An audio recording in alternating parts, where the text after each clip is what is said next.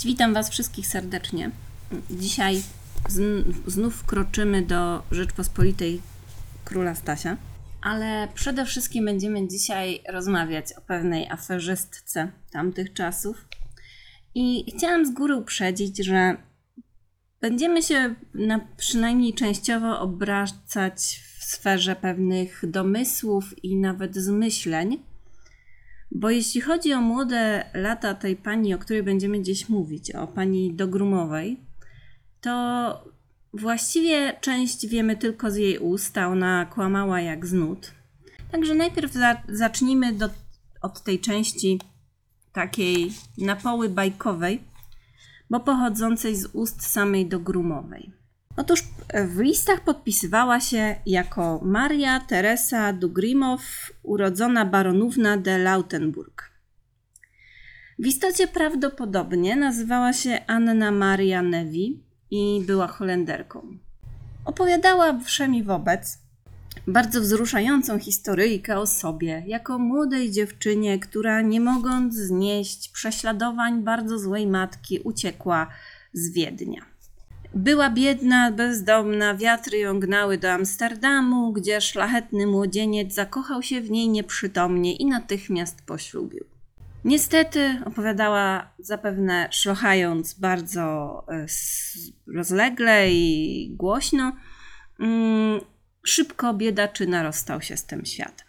Zapominała co prawda dodać, iż był to jakby ten młodzieniec, to nie zabił go nadmiar szlachetnych cnót, ale sąd skazał go na śmierć za notoryczne morderstwa, gwałty i rabunki, bo do takiego pana gdzieś któryś z historyków dotarł.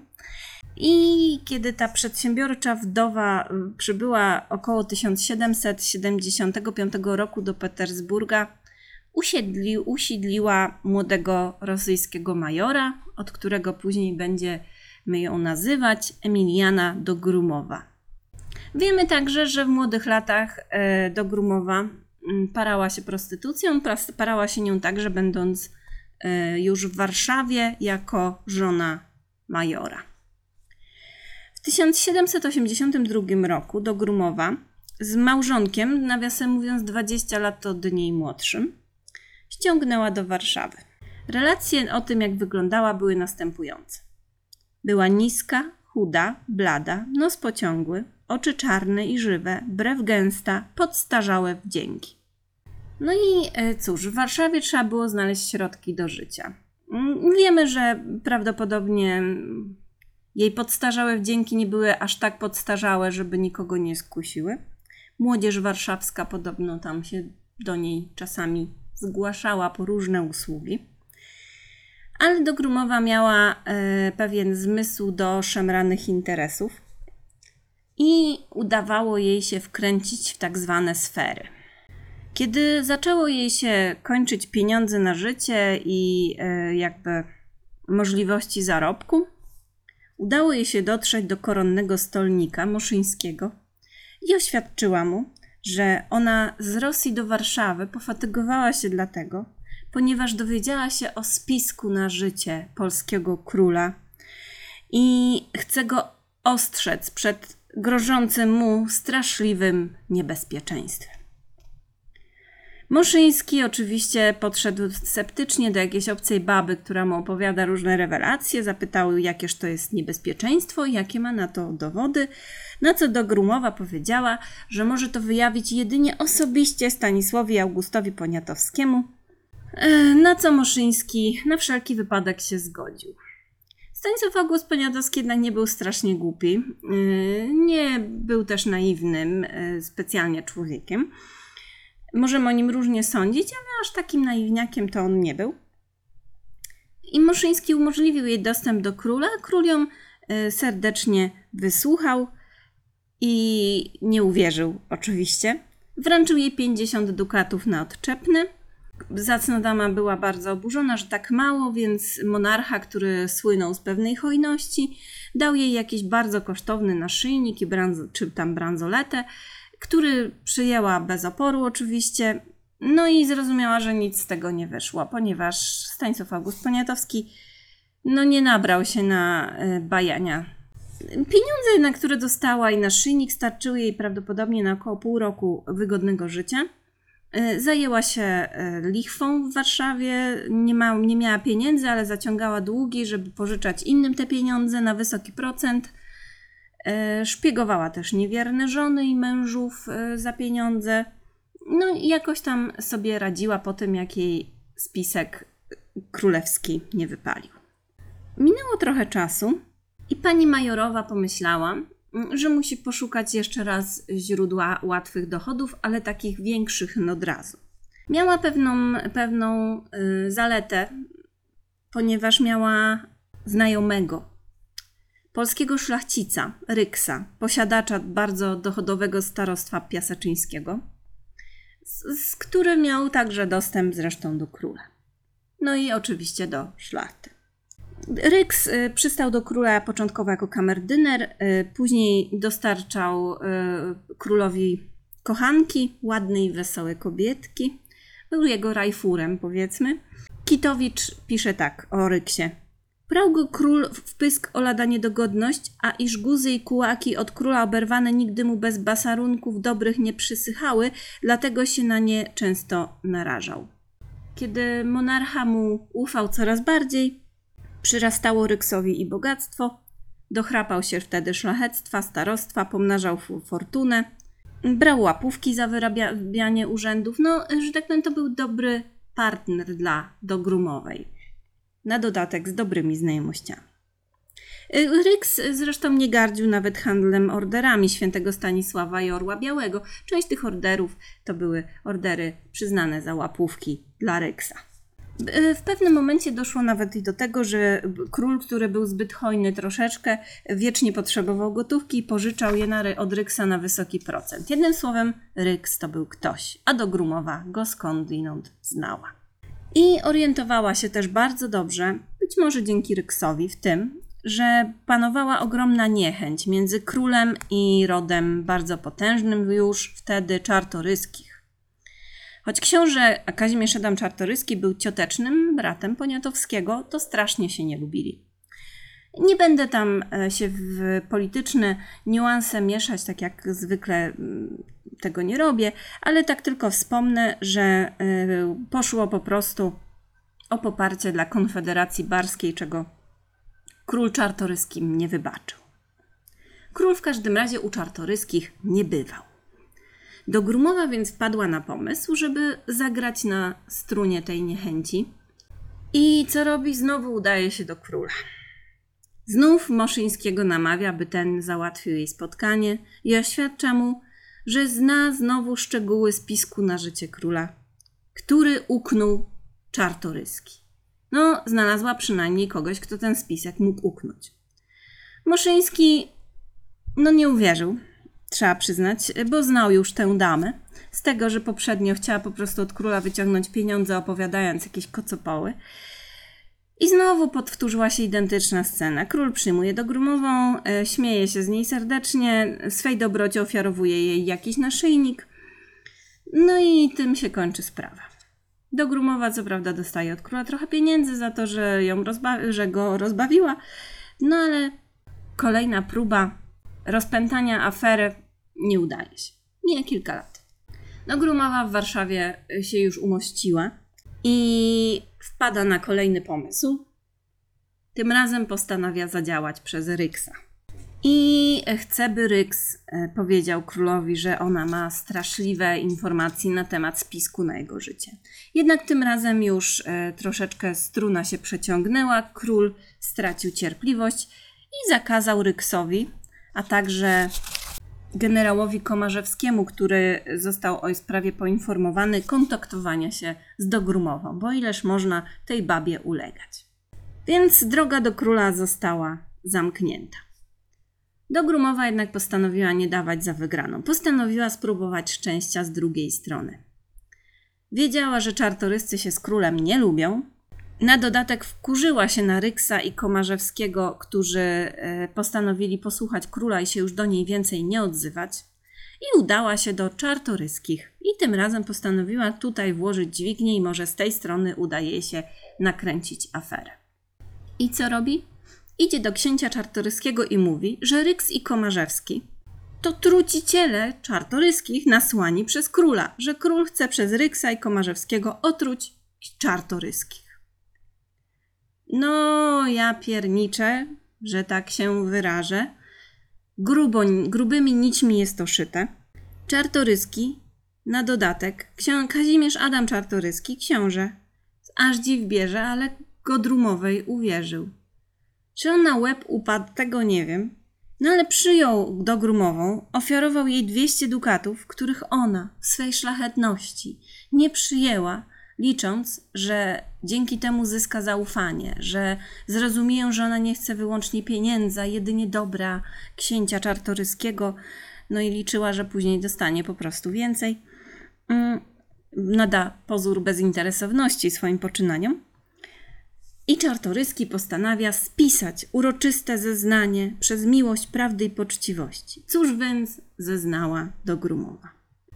Otóż zeznała, że Ryks i Komarzewski chcą zgładzić ze świata księcia generała ziem podolskich Adama Czartoryskiego i że dali jej proszek, mówiąc, by dała mu to połknąć i że jeśli Ry książę nie zechce ani jeść, ani pić, to Ryks jej nakazał, by przebiła go puginałem. Pod tym zeznaniem, którego całą treść możemy dosyć łatwo przeczytać, bo jest ona e, w różnych źródłach, jest data 14 stycznia 1785 roku.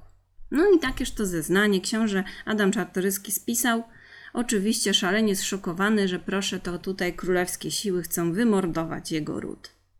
Bzdura na resorach, no ale naiwniak uwierzył. Dogrumowa zainscenizowała więc pewne spotkanie w swoim mieszkaniu z Ryksem, a czartoryscy mieli podsłuchiwać. Właściwie nie tyle czartoryscy, co ich e, poplecznicy. Dnia 16 stycznia 1785 roku, czyli dwa dni po spisaniu tego straszliwego zeznania, niczego nie podejrzewający Ryks przybywa do starej znajomej. Czemu przybył, mimo że król zabronił mu się z nią kontaktować, tego nie wiem, ale jak wiemy, Ryks też był straszliwym spryciarzem i mata- mataczeniem się zajmował zawodowo, więc tutaj jest to dosyć wiarygodne. A w sąsiednim pokoju ukrywa się Stanisław Kostka-Potocki i y, taki znajomy kupiec Czartoryskiego, niejaki Taylor. Podsłuchiwali, stojąc przy drzwiach, ale mogli dobrze usłyszeć jedynie odpowiedzi Ryksa, który stał blisko tych drzwi, a mocno było niewyraźne to, co mówiła gospodyni, bo stanęła ona strategicznie dalej. Dogrumowa rozmawiała bardzo słabym głosem, także dlatego by mogła potem wcisnąć kit, że co, na temat tego, co ona mówiła, tłumacząc się oczywiście chorobą gardła.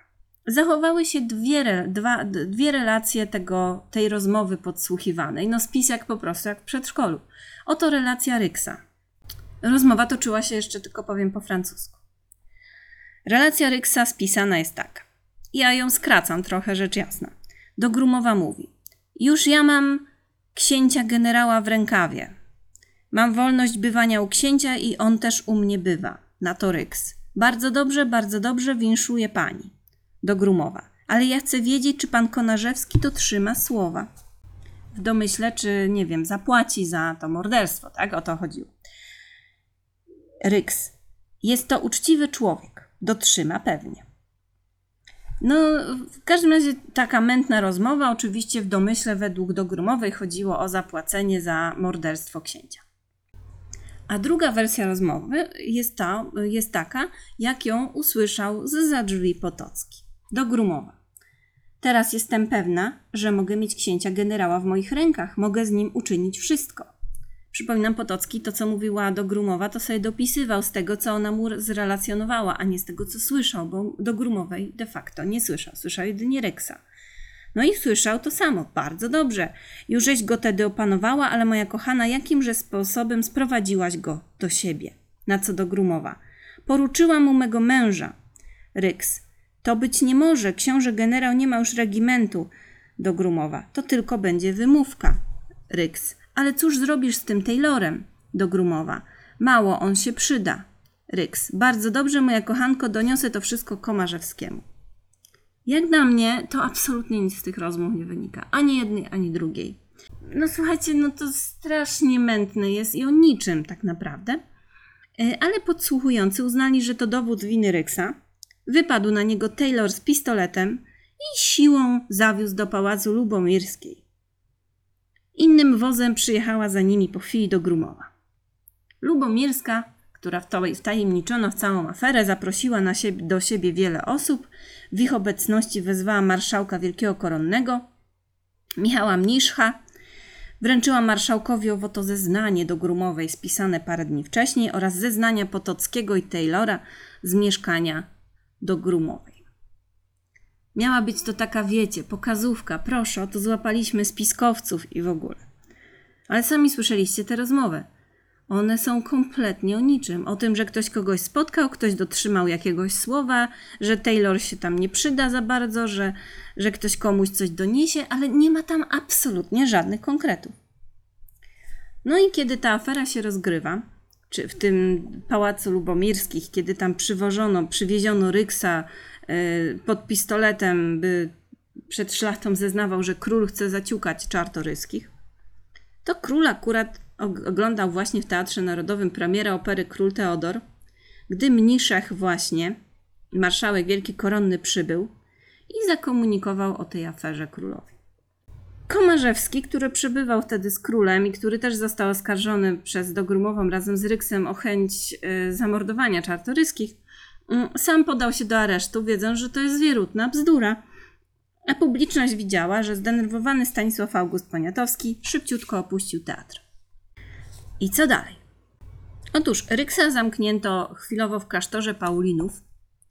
Czartoryski oświadczył, że akurat Komarzewskiego to on nie oskarża o trucicielstwo, bo Ryks jest taki bardziej podejrzany, więc y, Komarzewskiego z aresztu zwolniono, chociaż on sam do niego się zgłosił. No i afera jakby podzieliła Rzeczpospolitą na dwa obozy. Czartoryscy oczywiście podburzali szlachtę przeciwko królowi. We wszystkich kościołach Y, na ich w dobrach czartoryskich śpiewan, księża śpiewali Tedeum za ocalenie życia księcia generała czartoryskiego. Cesarz austriacki kazał powiadomić księcia generała, że jest po stronie, po jego stronie, a nie po stronie króla, który rzecz jasna chce go zamordować. To wszystko przez te mętne bajania do Grumowej, mówię.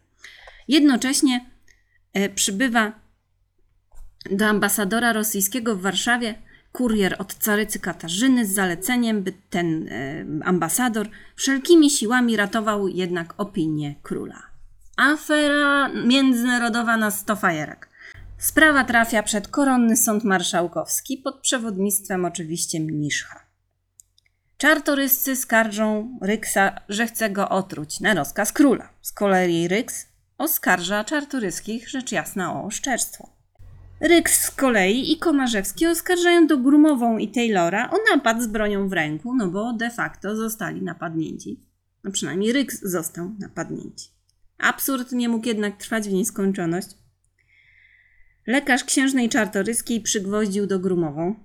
Przeprowadził bowiem badania chemiczne tego proszku, który rzekomo do Grumowa dostała od Ryksa, by otruć czartoryskiego. Okazało się, że nie była to żadna trucizna. No i co? I balonik do grumowej nagle pękł. Tak samo jak głupio zaczęli wyglądać czartoryscy. Wydano nakaz osadzenia do grumowej w więzieniu. Ryksa wypuszczono. Taylor został na wolności za kaucją, którą wpłacił książę czartoryski. Taylor ten drugi, który podsłuchiwał, tak? I 21 kwietnia 1785 roku sąd ogłosił, że uznaje Ryksa i Konarzewskiego za niewinnych, a do Grumową skazano na piętnowanie znakiem szubienicznym na łopatce pod pręgierzem na Starym Mieście i na wieczne więzienie. Jej fałszywe zeznania, te spisane przez de debila Czartoryskiego, miały być publicznie spalone. E, Taylor za to, że uległ tym gównianym bajaniom i napad z bronią w ręku, e, oczywiście dostał pół roku wieży a Czartoryski miał zapłacić 576 zł grzywdy na rzec Ryksa i Komarzewskiego za to, że ich osądził. Na piętnowanie majorowej do Grumowej 22 kwietnia 1785 roku stawiły się tłumy. Pod pręgierzem na rynku warszawskim stanęła Maria Dogrumow, a przynajmniej tak się tytułująca. Kat zdarł z niej suknię i gorącym żelazem wypalił na łopatce znak szubienicy. Tłum krzyczał, Dogrumowa wrzeszczała, smażona skóra syczała. Napiętnowana stała przy słupie hańby, a kat wrzucał w ogień pisma i paszkwile, które powstały z powodu jej intryg. Było to ostatnie tego typu wydarzenie na warszawskim rynku, bo pręgierz podogrumowej wkrótce rozebrano. Potoccy, lubomirscy, czartoryski, całe te wielkie rody zostały po prostu aśmieszone i narażone na wydatki. Król został politycznie poturbowany i stronnicy króla, łącznie z carycą. Główna sprawczyni zaś na długie lata utknęła w więzieniu. Dogrumowa została uwięziona przez Prusaków w późniejszych latach. Żyła jeszcze na pewno w 1830 roku, podobno na łaskawym chlebie u czartoryskich. Ryks nadal opływał w dobra tego świata. Przeżył upadek Stanisława Augusta Poniatowskiego i Rzeczpospolitej. Umarł w Warszawie w 1799 roku. Afera do Grumowej by się w ogóle nie wydarzyła, gdyby nie zabrakło ludziom zdrowego rozsądku, a przysporzyła Rzeczpospolitej niezbyt dobrej sławy w Europie. Jedno zmyślenie kobiety, która po prostu chciała zarobić, sprawiło, że wszyscy się dziwili, jak w ogóle do tego doszło. Ówczesny minister spraw zagranicznych Francji dziwił się, jak można było dopuścić do sprawy, którą, cytat, najmniej uzdolniony urzędnik kryminalny potrafiłby wyjaśnić w ciągu dwóch godzin, a która narobiła tyle hałasu i pociągnęła za sobą fatalne skutki. Do Grumowej udało się ośmieszyć polską szlachtę, na pewno zdrowo wkurzyć króla i zrobić zamieszanie na międzynarodowej scenie, mimo że było to wyłącznie jej głupie kłamstwo. No ale trzeba jej przyznać medal za fantazję. Odsiedziała jednak za te fantazje w więzieniu. I to tyle na dzisiaj. Taka może mniej soczysta, ale wydaje mi się, że mało znana i dosyć ciekawa afera. Do usłyszenia.